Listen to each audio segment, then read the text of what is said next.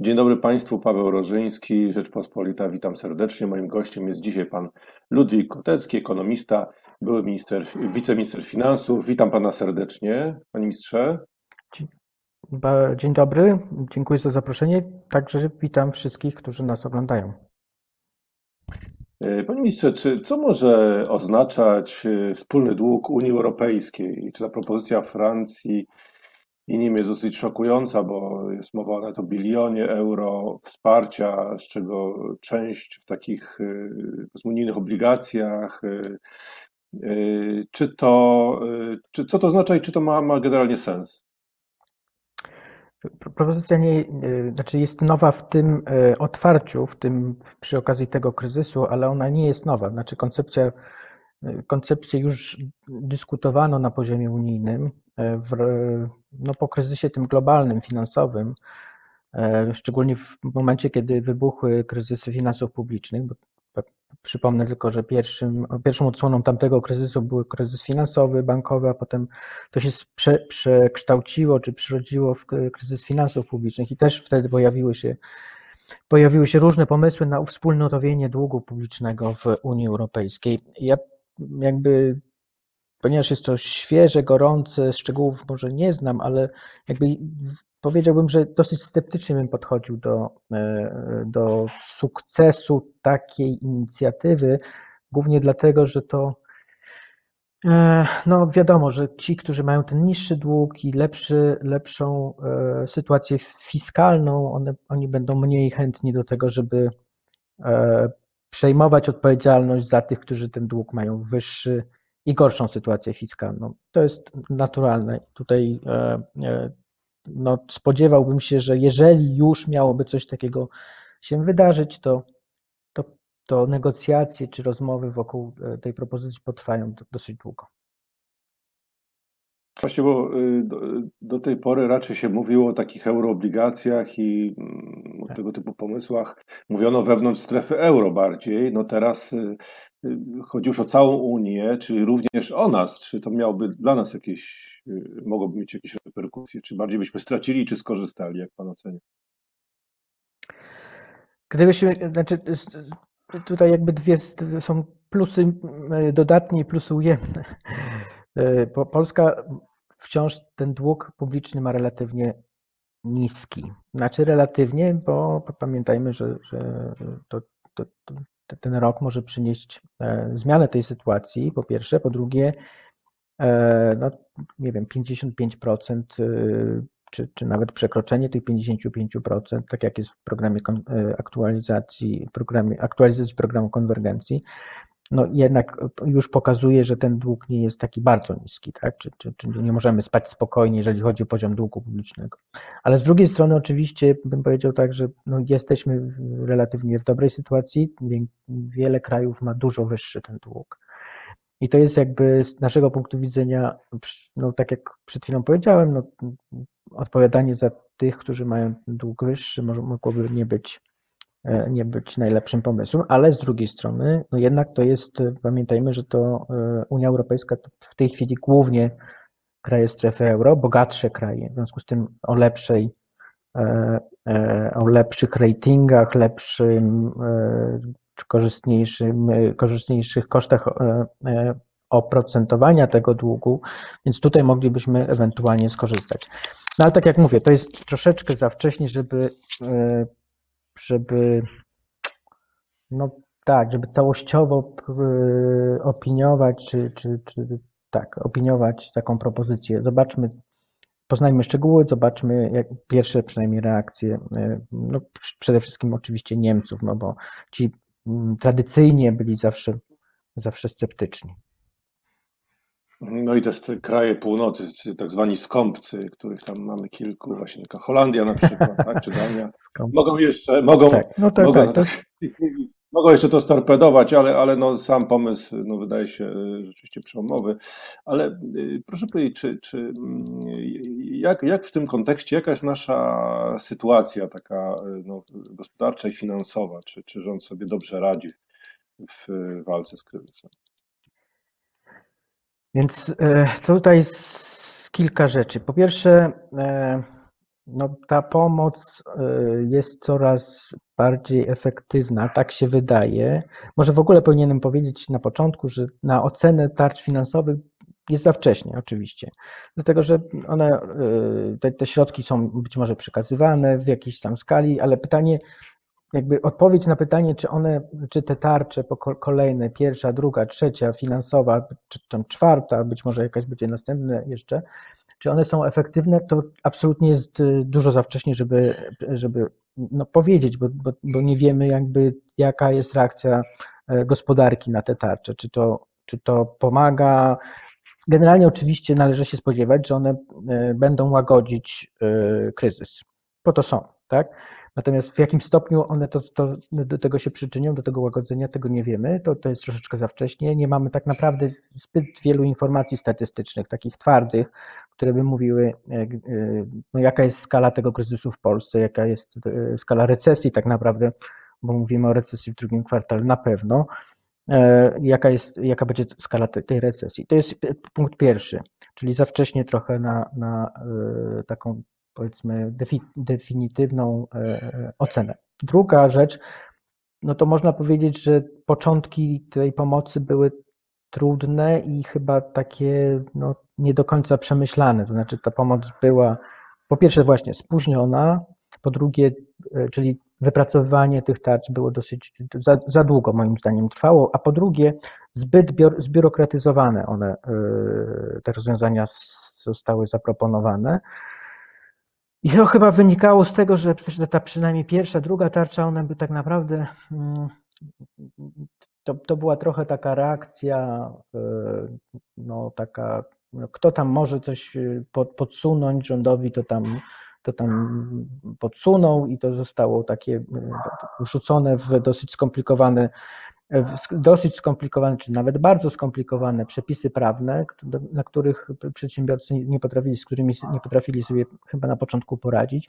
Do tego dochodziła kwestia jakby samej efektywności administracji, która no, nie, nie była w stanie też na początku e, obsługiwać, powiedzmy tak, tych, tych wszystkich wniosków. W związku z tym to, to, ten początek był dosyć trudny.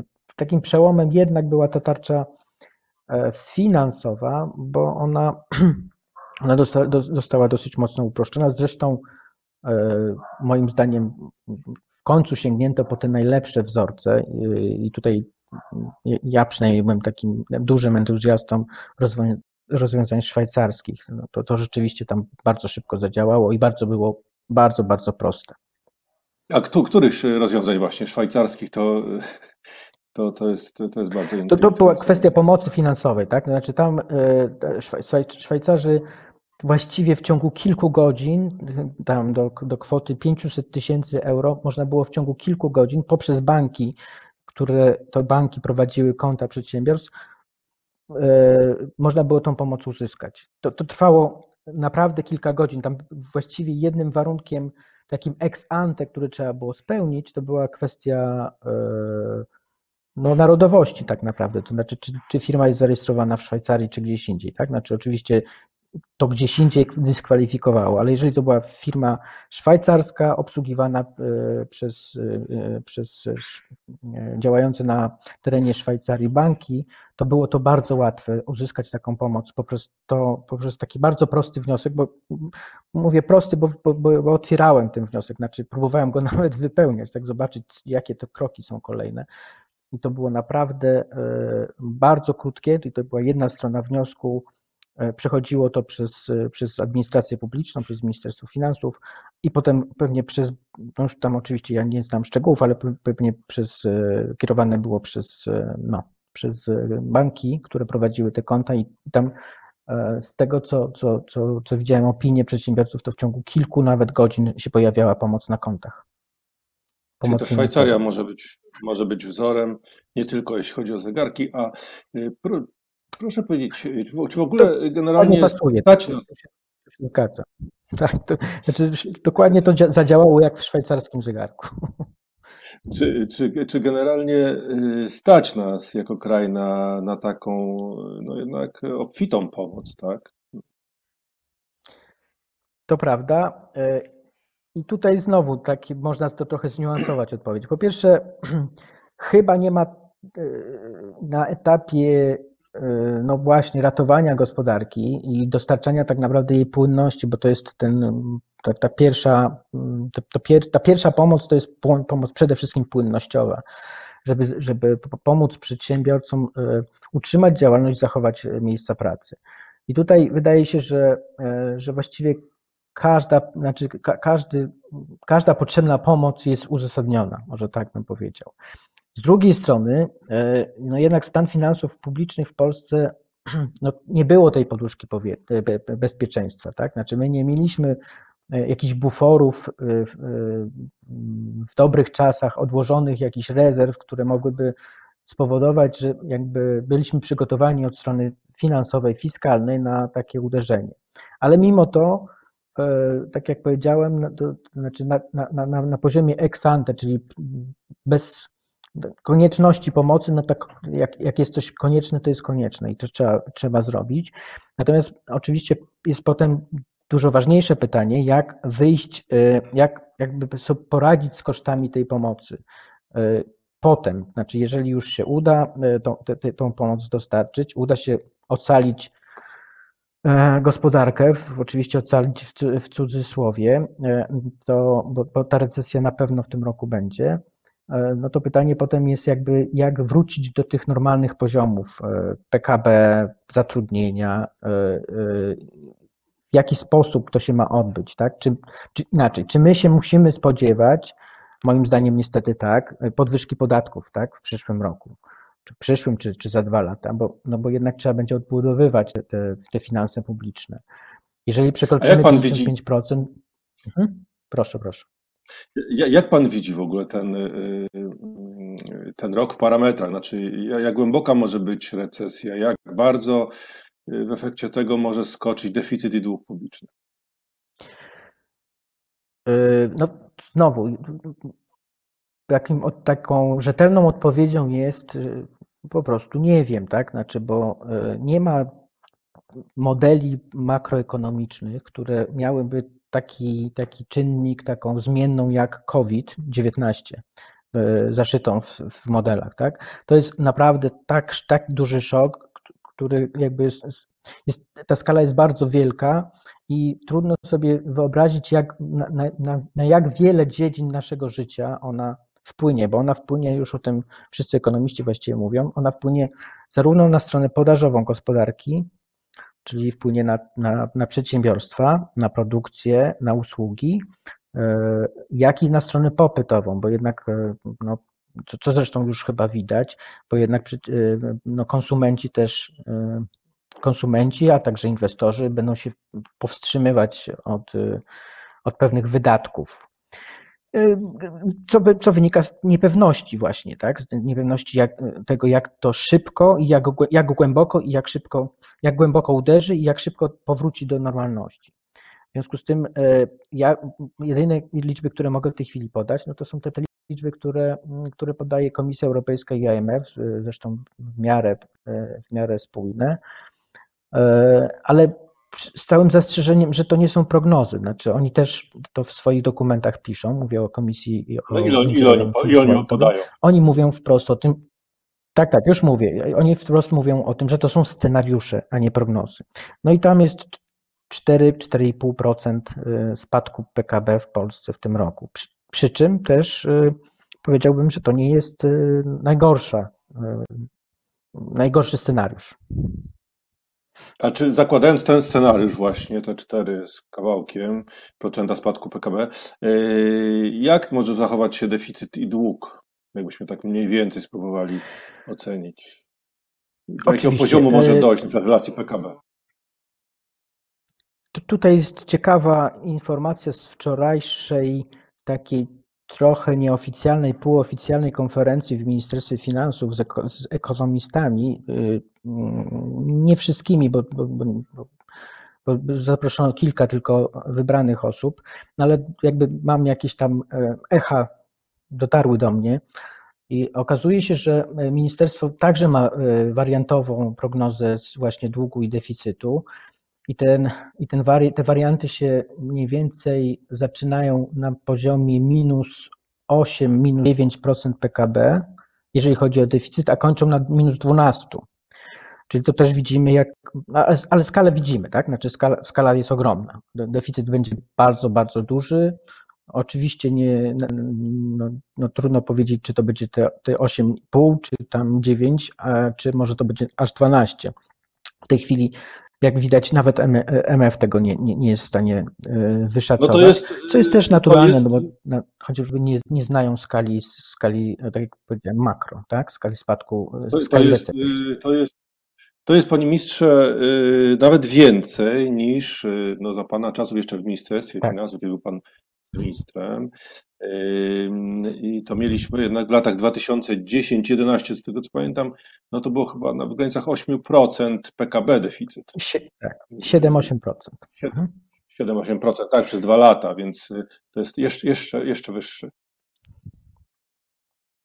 To jest, to jest dużo to jest wyższy, tak. Y, dużo wyższy rzeczywiście deficyt, no o, o, o 50% tak naprawdę być może nawet. E, jak, jakby się tam bardzo przy, przy, przy, przy, przyjrzeć. E, to jest jedna rzecz, a druga rzecz oczywiście jest, kwestia e, tych naszych progów, no, częściowo konstytucyjnych i, i, i w ustawach o finansach publicznych, no jednak tam są te progi dzisiaj obowiązujące 55% i 60%, jeżeli chodzi o dług publiczny. Tak? 60% jest w konstytucji.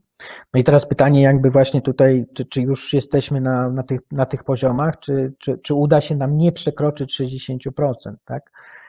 A jak pan, jak pan ocenia, czy w tym roku jeszcze, w tym roku możemy dojść do takiego poziomu w ogóle? Tu nam wchodzi, e, kwestia przejrzystości, e, dlatego że 55% e, dotyczy i, i, i konstytucyjne 60% dotyczy polskiej definicji długu publicznego, tak zwanego państwowego długu publicznego, PDP. Mhm. Natomiast ja mówię o takim prawdziwym fiskalnym długu, mówię, mówiąc o tym, że to może być około 60% PKB.